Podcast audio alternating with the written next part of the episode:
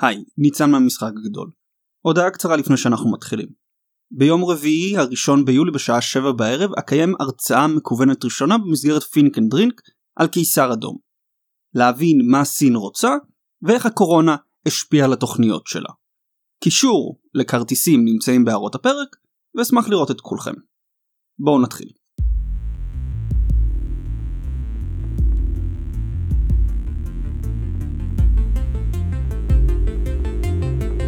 הכרנו את השחקנים, הכנו את הבמה. אחרי שסקרנו את הדינמיקה האלימה של העולם הרב-קוטבי, את כישלון מאזן הכוח באירופה ואת העלייה של האיום במזרח, אנחנו יכולים סוף סוף לפתוח את הסיפור של הפוסט אימפריום בתחילתו. למה ואיך קיבלה על עצמה ארצות הברית את הנהגת העולם החופשי? הכל בפרק היום. בואו נתחיל.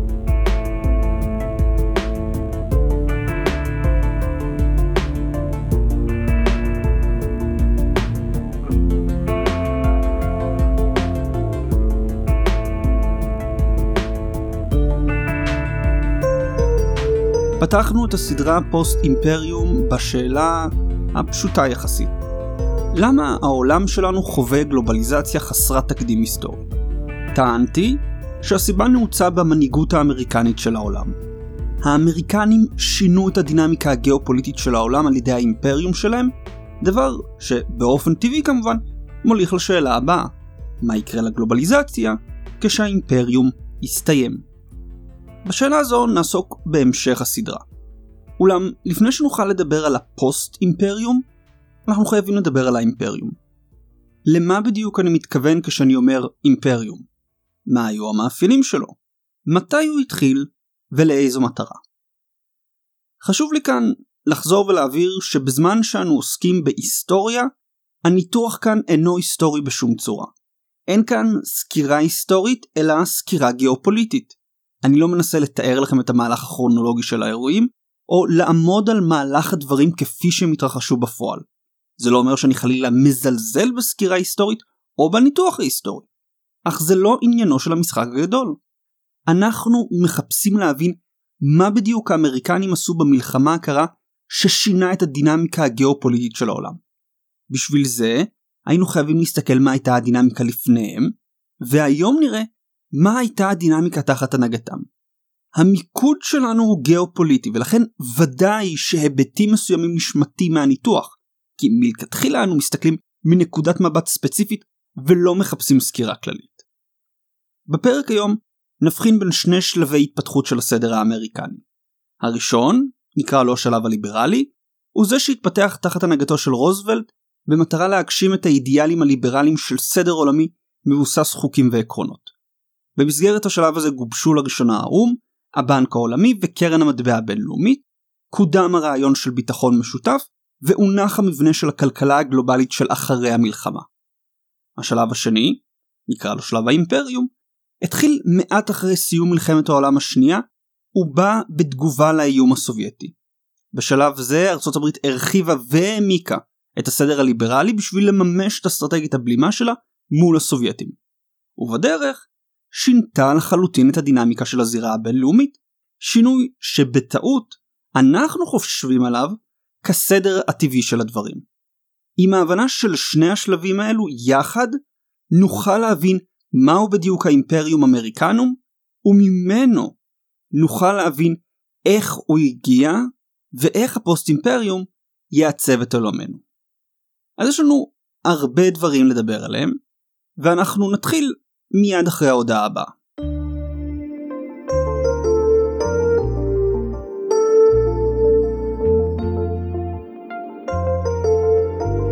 עם העולם במצב מתקדם של אנרכיה, אתם צריכים מקור מידע שלא רק מדווח, אלא גם מנתח. מקום שעונה לכם לא רק על מי, מתי ואיפה, אלא גם למה ולאן. מול עימותים בהימאליה, התחממות בגבול קוריאה, מהומות בארצות הברית ואנרכיה במזרח התיכון, אתם צריכים מקור מידע שייתן לכם לראות את התמונה הגדולה. בקיצור, אתם צריכים את פלג. בואו והצטרפו למועדון המנויים של המשחק הגדול ותתחילו להבין את הכוחות והאינטרסים שמעצבים את עולמנו. בואו ליהנות מניתוחים שבועיים, קבוצת פייסבוק סגורה לחברים בלבד, אירועי לייב ועוד. אז למה אתם מחכים? קישור ליצירת מנוי בהערות הפרק.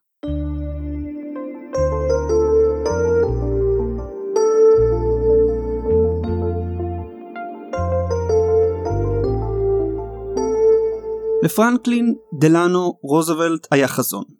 להקים עולם חדש מתוך חורבות מלחמת העולם השנייה, עולם של סדר וחוק, במקום העולם הרב קוטבי הישן של כוח ואנרכיה.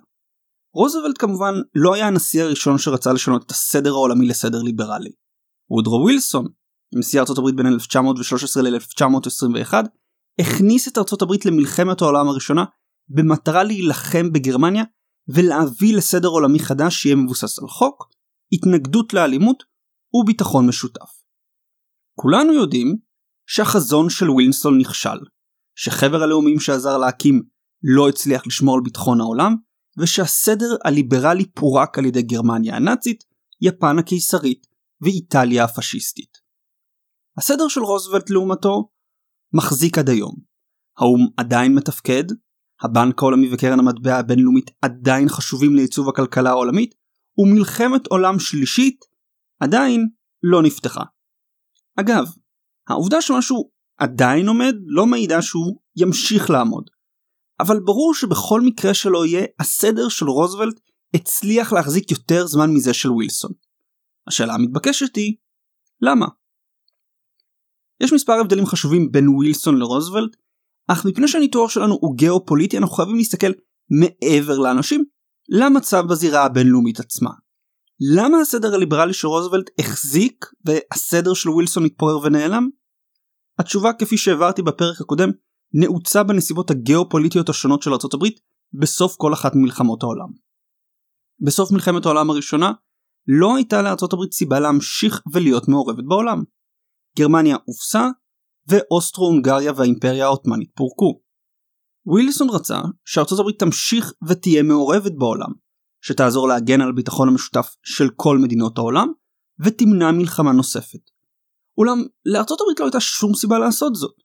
בסוף מלחמת העולם הראשונה לא היה שום איום באירואסיה שיצדיק את המשך המעורבות האמריקנית בה. אז ארצות הברית נסוגה, חוזרת לעמדתה הבדלנית. בסוף מלחמת העולם השנייה המצב היה שונה. ברית המועצות עמדה בשער של מערב אירופה, של המזרח התיכון ושל מזרח אסיה. היה איום גיאופוליטי ברור על אירו-אסיה, איום שהיה עלול להפוך לאיום ישיר על צפון אמריקה. לארצות הברית בסוף מלחמת העולם השנייה הייתה סיבה להישאר מעורבת בעולם משום שהיה מולה איום אסטרטגי ברור. זו אבל תהיה טעות מצידי לטעון שהסיבה היחידה שארצות הברית המשיכה להיות מעורבת בעולם אחרי מלחמת העולם השנייה הייתה בגלל האיום הגיאופוליטי של ברית המועצות. בזמן שהצד הזה של האיום השאיר את ארצות הברית מעורבת במשך 45 שנים במאבק ממושך מול הסובייטים, לא הצד הזה הביא אותה לקבל על עצמה את האימפריום. אפשר אף לטעון שאם היה באיום הזה רק צד גיאופוליטי, אפשר וארצות הברית הייתה שוב מתכנסת בעצמה. לא. מה שהביא את האמריקנים לצאת במאבק ארוך נגד הסובייטים, לקחת על עצמם את האימפריום, היה שהם ראו במאבק עם הסובייטים מאבק מוסרי, אידיאולוגי. תפיסה כזו היא שהניעה את ארצות הברית לצאת למאבק בהיקף ובעוצמה שאף מדינה לא עשתה לפניה. בשביל להבין את החשיבות של הצד המוסרי והאידיאולוגי, אנחנו חייבים לחזור ולעמוד על מבנה הכוח של ארצות הברית. מי הם השחקנים שמעצבים את מדיניות החוץ האמריקנית? יש לנו שניים. הנשיא, שקובע את התוכן החיובי של מדיניות החוץ, את יעדי המדיניות ואת הצעדים הממשיים להשגתם, והקונגרס, שמאשר שימוש בכוח צבאי או מכריז מלחמה רשמית. בתוך הקונגרס יש לנו את בית הנבחרים שאחראי לתקציב, ויש לנו את הסנאט שאחראי לאשר הסכמים ואמנות שחתם עליהם הנשיא. הזכרתי כבר שלשני השחקנים, הנשיא והקונגרס, יש מערך תמריצים שונה בנוגע למדיניות חוץ. ככל שחשיבותה של הזירה הבינלאומית גדלה, כן גדל כוחה של הנשיאות. משום שלנשיא יש חופש גדול יותר במדיניות החוץ, הגדלת חשיבותה של הזירה הבינלאומית באופן טבעי מגדילה את כוחה של הנשיאות. הקונגרס לעומתו מתעניין יותר במדיניות פנים וכפוף באופן ישיר לאינטרסים של קבוצות שונות באוכלוסייה האמריקנית. לקונגרס יש יותר כוח בזירה הפנימית של הברית, וחבריו נבחרים לא על ידי כל האומה, אלא על ידי חלקים ממנה.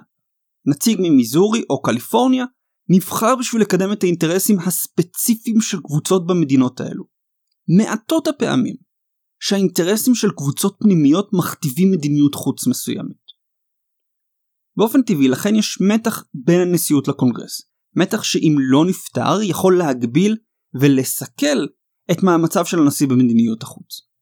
בואו ונסתכל לדוגמה על ווילסון. ב-1919 הסנאט הרפובליקני דחה את הסכם ורסאי שווילסון, הדמוקרט, חתם עליו, וחיסל את החלום של ווילסון לסדר עולמי חדש. דוגמה אחרת היא ניקסון, נשיא רפובליקני, שנאלץ להיאבק בתחילת שנות ה-70 מול קונגרס דמוקרטי שביקש לקצץ בהוצאות הביטחון של ארצות הברית ולהגביל את כוחו של הנשיא. ללא פתרון למתח בין הנשיאות לקונגרס, מדיניות החוץ האמריקנית הופכת מוגבלת ומשותקת. אחד המאפיינים החשובים של האימפריום הוא המטרה המשותפת לנשיא ולקונגרס. מטרה שמחברת את שתי רשויות השלטון האמריקניות ומביאה אותן להשקיע מאמץ משותף לשם הגשמתה. מטרה כזו בהכרח היא מטרה מוסרית, מטרה שיכולה לשבות את דמיונו של העם האמריקני ודרכו את הקונגרס האמריקני. רק עם מטרה כזו המתח בין שתי הרשויות נפתר, והן שתיהן מתגייסות להגשמתו. אם לא הייתה המטרה המוסרית של ניצחון על הסובייטים, סביר שהסדר הליברלי של רוזוולט היה מתפורר ונעלם. זה מה שקורה היום, כשאין עוד לארצות הברית מטרה מוסרית ברורה. אולם, מהי בדיוק הסדר הליברלי שרוזוולט רצה להקים אחרי המלחמה? ואיך הוא הפך מסדר ליברלי ווילסוני לאימפריום אמריקני?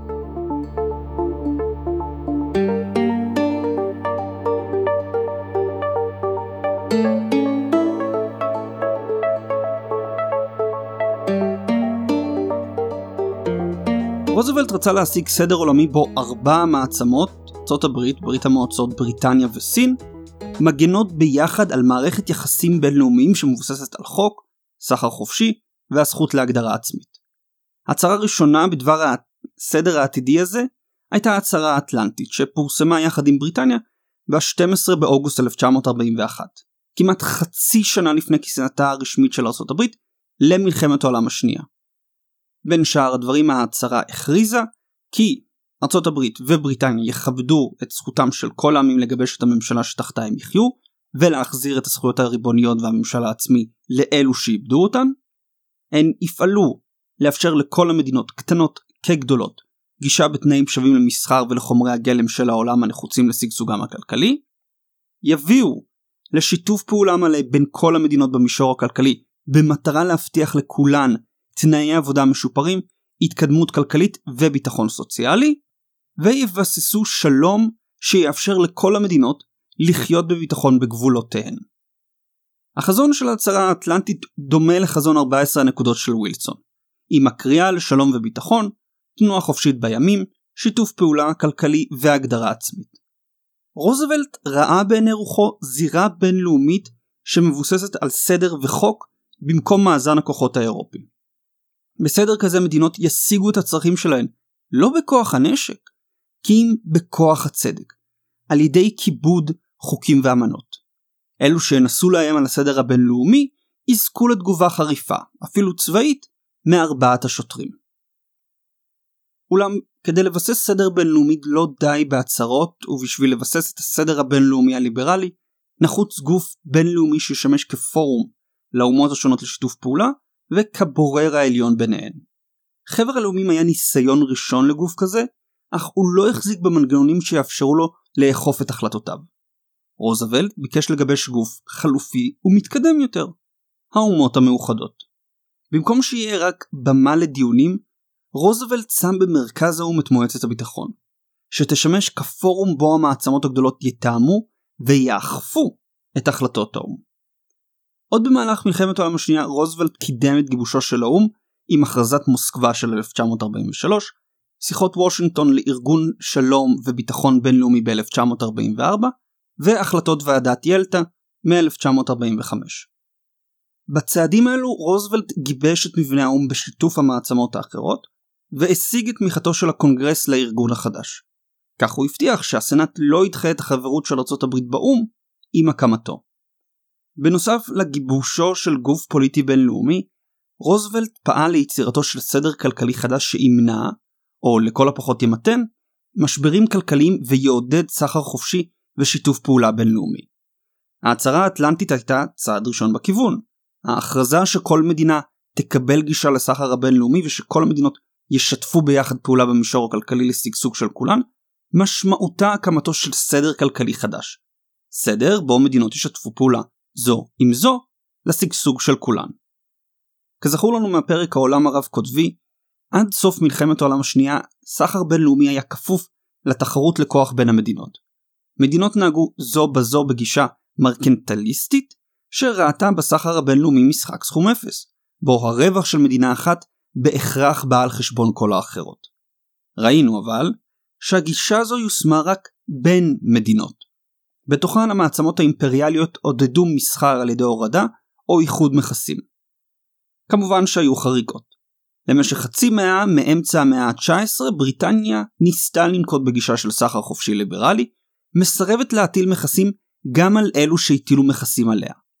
בריטניה קיוותה שהמופת שלה יעודד מדינות אחרות ללכת בדרכה. אך במקום זאת כל שהיא קיבלה הוא שמדינות ייצאו אליה יותר בעוד הן שומעות על מכסים גבוהים על תוצרת מבריטניה. רוזוולט רצה לשנות את כל זה, משום שהאמין ששגשוג כלכלי וסחר חופשי יצליחו למנוע מלחמה גדולה נוספת. ללא פתרון לבעיות הכלכליות של העולם, לא יהיה פתרון קבוע לבעיות הפוליטיות שלו. הצעד החשוב ביותר שרוזוולט עשה בכיוון הזה היה ועדת ברטון וודס שהתקיימה ביולי 1944. בוועדה התכנסו נציגים מ-44 מדינות, כולל ברית המועצות, בשביל לעצב את הסדר הכלכלי הבינלאומי. לצערי, דווקא בקרב אנשים שמתעניינים בגיאופוליטיקה, יש חוסר הבנה מה בדיוק הייתה ועידת ברטון וודס ומה הוחלט בה. חוסר הבנה שנובע מאחד הדוברים היותר פופולריים על גיאופוליטיקה בימינו, פיטר זיין. זיין הוא גיאו-אסטרטג, אנליסט בכיר לשעבר בסטרטפור ודובר פופולרי. התיאוריה של זיין מקדם היא שהסדר האמריקני הגיע לסופו, ובעוד ארצות הברית תמשיך ותתחזק, שאר המעצמות העולמיות ייחלשו ובמקרה הטוב יתפוררו. בספרים שלו זיין מצייר עתיד אפוקליפטי כמעט, בו אפריקה גוועת משום היעדר משאבים, מזרח אירופה נחרבת בפלישה רוסית, המפרץ הפרסי בוער, ובמזרח אסיה מתנהלת מלחמת עולם בין יפן וסין. הספר הראשון של זיין, בו הוא מציג את הניתוח שלו לעתיד, הוא המעצמה המקרית, בו הוא גם מציג את מה שהוא קורא לו מערכת ברטון וודס. לפי זיין, בברטון וודס האמריקנים הציעו למערב אירופה ויפן שוחד אסטרטגי במטרה להביא אותן למחנה האמריקני מול הסובייטים. לפי זיין, בברטון וודס האמריקנים הציעו למדינות השונות א', גישה לשוק האמריקני שהיה השוק המתפקד היחיד בסוף המלחמה, ב', הגנה על נתיבי השיט שלהן, וג' הגנה עליהן עצמן מפני תוקפנות סובייטית. יש רק בעיה אחת עם התיאור של זיין. הוא לא קשור בשום צורה למה שקרה בה בפועל. ראשית, אם ברטון וודס נועדה להיות שוחד אסטרטגי, התזמון שלה תמוה. ב-1944 הסובייטים נתפסו כשותפים לארצות הברית וחלק מהסדר הבינלאומי החדש. נציגים סובייטים השתתפו בוועדה, האם האמריקנים קיוו לשחד את הסובייטים שיפעלו נגד עצמם? או שהם גיבשו את המחנה נגד הסובייטים שנתיים לפני שאסטרטגיית הבלימה בכלל התהוותה. שנית, ועדת ברטון וודס עסקה בשלושה נושאים מרכזיים עידוד סחר בינלאומי על ידי ייצוב שערי החליפין בין כלכלות, הקמתו של בנק בינלאומי לשיקום ופיתוח של הכלכלות שנהרסו במלחמה, והקמתה של קרן מטבע בינלאומית שתעזור לייצוב מוניטרי של כלכלות במשבר. הוועדה לא עסקה בהגנה על אוניות או במטריה האסטרטגית של ארצות הברית. הנושאים האלו יבואו רק מאוחר יותר, בשלב האימפריום של הסדר הבינלאומי. כשוועדת ברטון וודס התכנסה, המטרה של ארצות הברית הייתה לגבש סדר ליברלי, בו שיתוף פעולה בינלאומי ימנע משברים מוניטריים במדינות השונות, ויאפשר סחר חופשי על ידי הגבלת תנועתו של הון ספקולטיבי. לכן הוקם הבנק הבינלאומי בשביל לתת הלוואות ארוכות טווח למדינות, קרן המטבע הבינלאומית לייצור קצר טווח של המצב המוניטרי, והצמדה של המטבעות המרכזיים בעולם לדולר, שהוצמד בתורו לזהב שבידי ארצות הברית. ביחד, צעדים אלו ביססו יציבות למערכת הפיננסית הבינלאומית, והפכו את הדולר למטבע הגלובלי. הם לא הקימו, את מערכת הבריתות האמריקנית. רוזוולט רצה לשנות את הדינמיקה של הסדר הבינלאומי על ידי שינוי מבני שלה, ואני לא מזלזל לרגע במאמץ או בחשיבותו. אך ללא השלב השני, שלב האימפריום, המערכת הליברלית של רוזוולט הייתה דועכת ומתה. למה? גיאופוליטיקה. ארצות הברית לא צריכה את אירואסיה בשביל ההישרדות שלה. היא רק צריכה שאירואסיה תישאר בצד שלה של הפלנטה. בהנחה וסטלין היה ממתין בשקט בצד, איזו סיבה הייתה לארצות הברית להשאיר את כוחותיה באירופה ומזרח אסיה? להגיד שהיא הייתה משאירה אותם כי כולם ידעו שהסובייטים רוצים להתפשט, היא אמירה חסרת בסיס. הרי כולם ידעו שהיטלר רוצה לכבוש את אירופה, זה הביא לפעולה צבאית כלשהי נגדו לפני הפלישה שלו לפולין? קולות בדלנים בארצות הברית היו טוענים שהסובייטים אינם איום כרגע, ולכן אין סיבה להחזיק עוד כוחות. קולות פייסניים היו טוענים, ובעצם הם טענו, שצריך לנהל דיאלוג עם ברית המועצות, לא מלחמה. הנשיא הדמוקרטי טרומן היה נאלץ להתמודד עם קונגרס רפובליקני שהיה משלים עם חברות ארצות הברית באו"ם, אך מנער מעצמו את המחויבות לסדר הבינלאומי. הסדר העולמי של רוזוולט רכב על המאמץ המלחמתי של ארצות הברית. כשהוא היה מסתיים, הדינמיקה הפוליטית בארצות הברית הייתה דוחפת אותה חזרה לעמדה יותר בדלנית. אולי עוזרת בצורה מוגבלת לבריטניה, ואולי עומדת אדישה לגורלה של אירואסיה. היה צריך משהו שישנה את הדינמיקה הפוליטית בארצות הברית, ויבטיח שהיא תבחר להמשיך בתפקיד שלה כמגנה על הסדר הבינלאומי. והדבר הזה היה האיום האדום.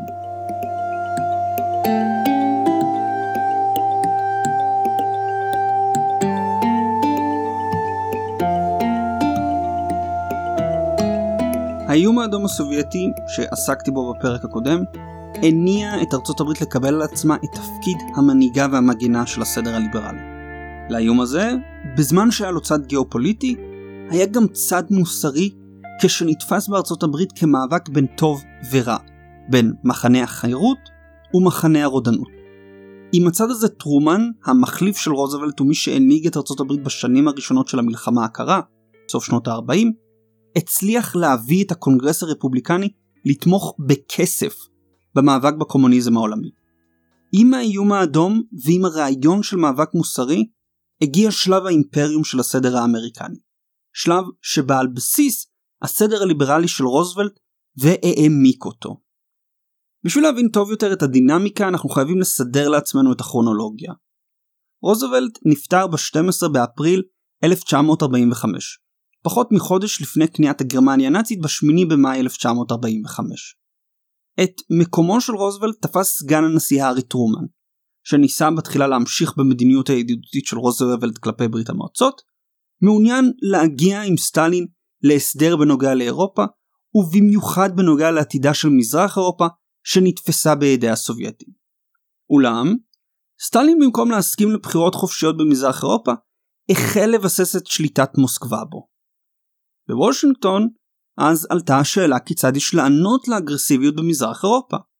האם יש להתעמת מולה, או שמא לחפש דרך חדשה למשא ומתן. מי שעזר ליישב את הדיון ולהתוות את המדיניות של ארה"ב כלפי ברית המועצות היה ג'ורג' קנן, דיפלומט אמריקני במוסקבה, שב-1946 שלח את המברק הארוך, וצייר למקבלי ההחלטות בוושינגטון תמונה פסימית מאוד. התוקפנות הסובייטית מובנית במערכת השלטון של ברית המועצות, ואינה קשורה למה תעשה או לא תעשה ארצות הברית. ההתלבטות היחידה של ארצות הברית היא האם להתעמת עם התוקפנות הסובייטית או לתת לה להתפשט. איך קנן הגיע למסקנה הזו?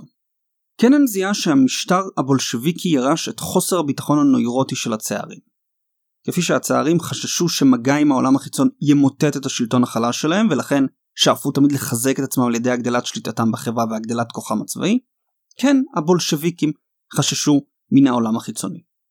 הם לא היו מעוניינים לבוא איתו בשלום, משום ששלום עלול לערער את המבנה החברתי הפנימי שלהם.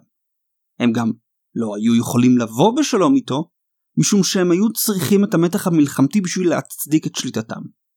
אחרי שהקרמלין הרג את כל הקפיטליסטים בתוך רוסיה, הוא היה צריך את הקפיטליסטים מחוץ לרוסיה כדי להמשיך ולהצדיק את שלטונו הדיקטטורי. השלמה עם הקפיטליסטים בחוץ משמעותה הסתלקות המנגנון הדיקטטורי. הסתלקות המנגנון הדיקטטורי תהיה סופה של המפלגה, מה שבאמת קרה בסוף. מכאן שהתוקפנות הסובייטית מובנית בתוך המערכת הסובייטית. ללא שינוי במערכת, לא יהיה שינוי בתוקפנות. לכן ארצות הברית לא צריכה לחפש להתפייס עם הקומוניסטים, כי אם לא הוכיח להם שהתוקפנות שלהם היא חסרת תועלת. כן הנציעה אסטרטגיה של בלימה, בה ארצות הברית תחסום כל תוקפנות סובייטית וניסיון התפשטות, מפעילה לחץ קבוע על ברית המועצות שישכנע אותה לשנות את דרכה. הניתוח הפוליטי של קנן עשה אבל יותר מרק להסביר את הדינמיקה הפנימית של ברית המועצות. הוא אפשר להנהגה האמריקנית לצייר את האיום האדום כאיום מוסרי. שימו לב לניתוח. התוקפנות אינה תופעה נלווית למערכת הקומוניסטית, אלא חלק ממהותה. המערכת הקומוניסטית היא תוקפנית. המערכת הקומוניסטית היא רעה. המאבק בין ארצות הברית לברית המועצות היה לא רק מאבק גיאופוליטי, שלא היה תופס את עניינו של הקונגרס הרפובליקני, אלא גם מאבק מוסרי. זו הייתה אחריותה המוסרית וההיסטורית של ארצות הברית לדאוג שכוחות הטוב ינצחו במלחמה הזו. שלב האימפריום נולד עם ההבנה האמריקנית שהמאבק מול ברית המועצות הוא מאבק מוסרי. הביטוי הראשון לאימפריום האמריקני היה נאומו של טרומן בפני כינוס מיוחד של הקונגרס במרץ 1947. בנאום טרומן ביקש מהקונגרס, שהיה בשליטת המפלגה הרפובליקנית, לאשר סיוע כלכלי בסך 400 מיליון דולר ליוון וטורקיה. באותו זמן יוון הייתה בעיצומה של מלחמת אזרחים בה היו מעורבים כוחות קומוניסטים בגיבוי של מוסקבה, וטורקיה הייתה נתונה תחת לחץ סובייטי לאפשר הקמת בסיסי צבא סובייטים בה. טרומן הסביר בנאום שלו לקונגרס את החשיבות הגיאופוליטית של שתי המדינות, אך הדגיש לא את הגיאופוליטיקה, כי אם את המאבק המוסרי שעל ארצות הברית לקחת בו חלק. כיום כמעט כל מדינה צריכה לבחור בין דרכי חיים חלופיות. לרוב הבחירה הזו אינה חופשית. דרך חיים אחת מבוססת על רצון הרוב, ומתאפיינת במוסדות חופשיים, ממשלה ייצוגית, בחירות חופשיות, הבטחה של חירות הפרט, חופש הביטוי והדת, והחופש מדיכוי פוליטי. דרך חיים שנייה מבוססת על רצונו של המיעוט הנכפה על הרוב. היא מתבססת על טרור ודיכוי, על שליטה בעיתונות וברדיו, בחירות שנקבעו מראש והדיכוי של חירויות אישיות. אני מאמין שזו חייבת להיות מדיניותה של ארה"ב לתמוך בכל העמים החופשיים המתנגדים לניסיונות שעיבוד מידי מיעוטים חמושים או לחצים חיצוניים. אני מאמין שעלינו לעזור לכל העמים החופשיים לקבוע את גורלם בדרכם שלהם. סוף ציטוט. טרומן ביקש מהקונגרס לאשר סיוע ליוון וטורקיה בשם המאבק לחופש. טרומן הציג לעם האמריקני את המאבק בקומוניזם לא כמאבק גיאופוליטי להשפעה בים התיכון, אלא כמאבק מוסרי ואידיאולוגי בין חופש לרודנות, בין ליברליות וטוטליטריות. הוא ביקש מהעם האמריקני להשקיע כסף, ובהמשך הוא יבקש ממנו גם להקריב דם, בשביל להגן על המדינות החופשיות מפני הקומוניסטים. עם הנאום של טרומן והסיוע לטורקיה ויוון, התחיל שלב האימפריום בסדר האמריקני. שלב האימפריום הוסיף לסדר הליברלי של רוזוולט שלושה מרכיבים חשובים. הראשון הוא ההסכם הכללי על מכסים וסחר, או General Agreement on Tariffs and Trade, GATT, שנחתם באוקטובר 1947 בין ארצות הברית ו-22 מדינות. ההסכם הכללי על מכסים וסחר הסיר לראשונה מכסים בין מדינות מערב אירופה שהיו קיימים מאז מלחמת העולם הראשונה, ועזר להן לא רק לשקם את הכלכלות שלהן, אלא גם להגדיל את קשרי המסחר ביניהן ובין ארצות הברית. עם השנים, ה-GATT הורחב והוא שימש כבסיס עליו יוקם ארגון הסחר הבינלאומי, ה-World Trade Organization ב-1994. המרכיב השני הוא ארגון האמנה הצפון אטלנטית, נאט"ו, North Atlantic Treaty Organization, שהוקם ב-1949 על ידי ארצות הברית, קנדה ומדינות מערב וצפון אירופה. נאט"ו היה הברית הצבאית הראשונה שארצות הברית הצטרפה אליה שלא בזמן מלחמה, ונועדה לפרוס את המטריה האסטרטגית של ארצות הברית על מערב אירופה מול הסובייטים.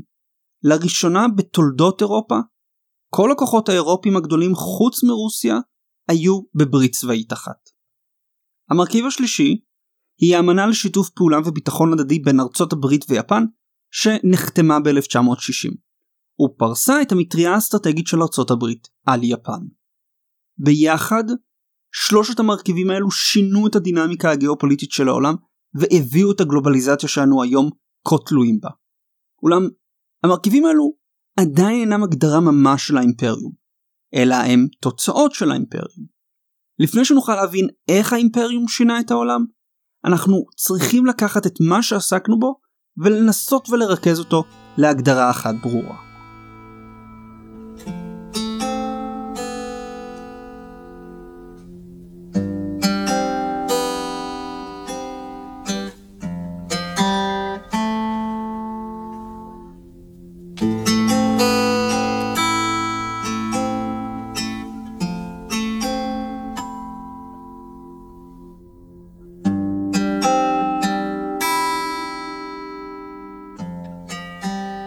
אז מהו האימפריום? הוא הרעיון שארצות הברית צריכה להגן על המדינות החופשיות מפני תוקפנות סובייטית ולקדם את הערכים של דמוקרטיה, שוק חופשי וסחר בינלאומי כדי להוכיח לסובייטים שהערכים שלהם שגויים ולהביא לשינוי בהתנהגותם. לאימפריום יש שני מרכיבים מרכיב צבאי הגנתי שדורש מארצות הברית לבלום תוקפנות צבאית של הסובייטים ומרכיב פוליטי הנהגתי הדורש מארצות הברית לקדם את הדמוקרטיה והשוק החופשי בקרב המדינות החופשיות. האימפריום הוא מה שהביא את ארצות הברית להחליט אחרי מלחמת העולם השנייה לא רק להמשיך ולהיות מעורבת באירואסיה, אלא אף להעמיק את קשריה בה עם בריתות צבאיות והצבת כוחות במערב אירופה ומזרח אסיה.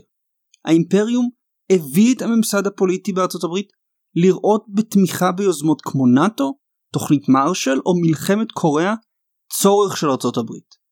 האימפריום הביא את ארצות הברית להפוך למנהיגה דה פקטו של העולם החופשי, כציר המרכזי של הפוליטיקה, הכלכלה והביטחון שלו.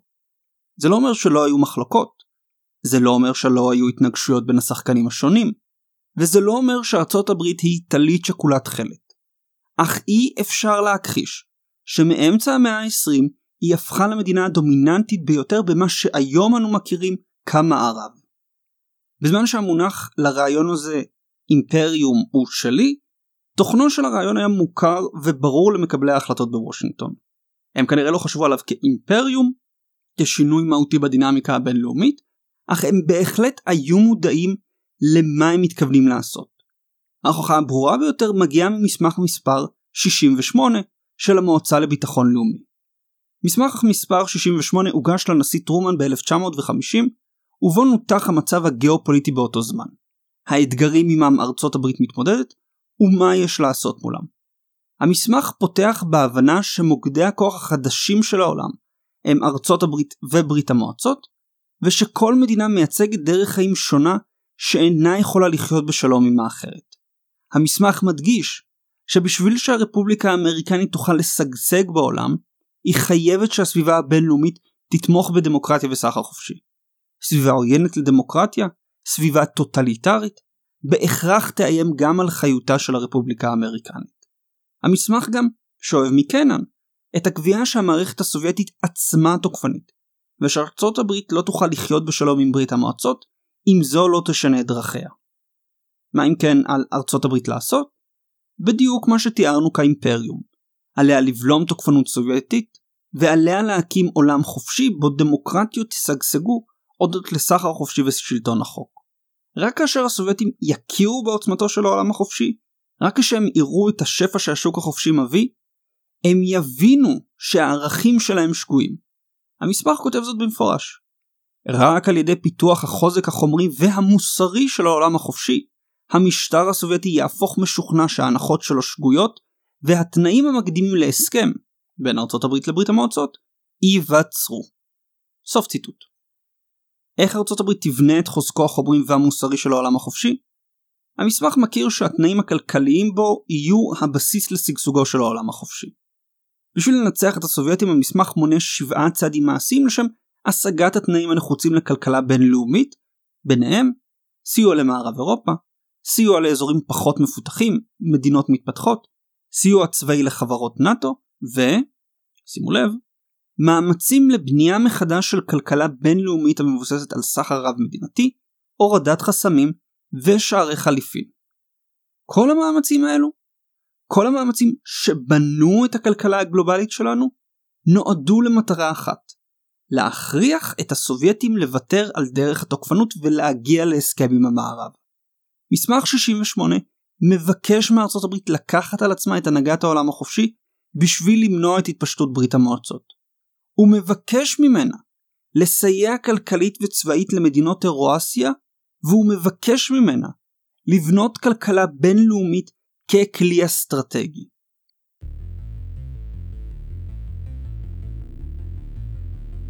הסיבה שאני מדגיש את הנקודה שהאמריקנים לקחו על עצמם את הנהגת העולם כדי להיאבק בסובייטים, היא מפני שהפוסט אימפריום מתחיל בדיוק בנקודה בה האמריקנים ניצחו.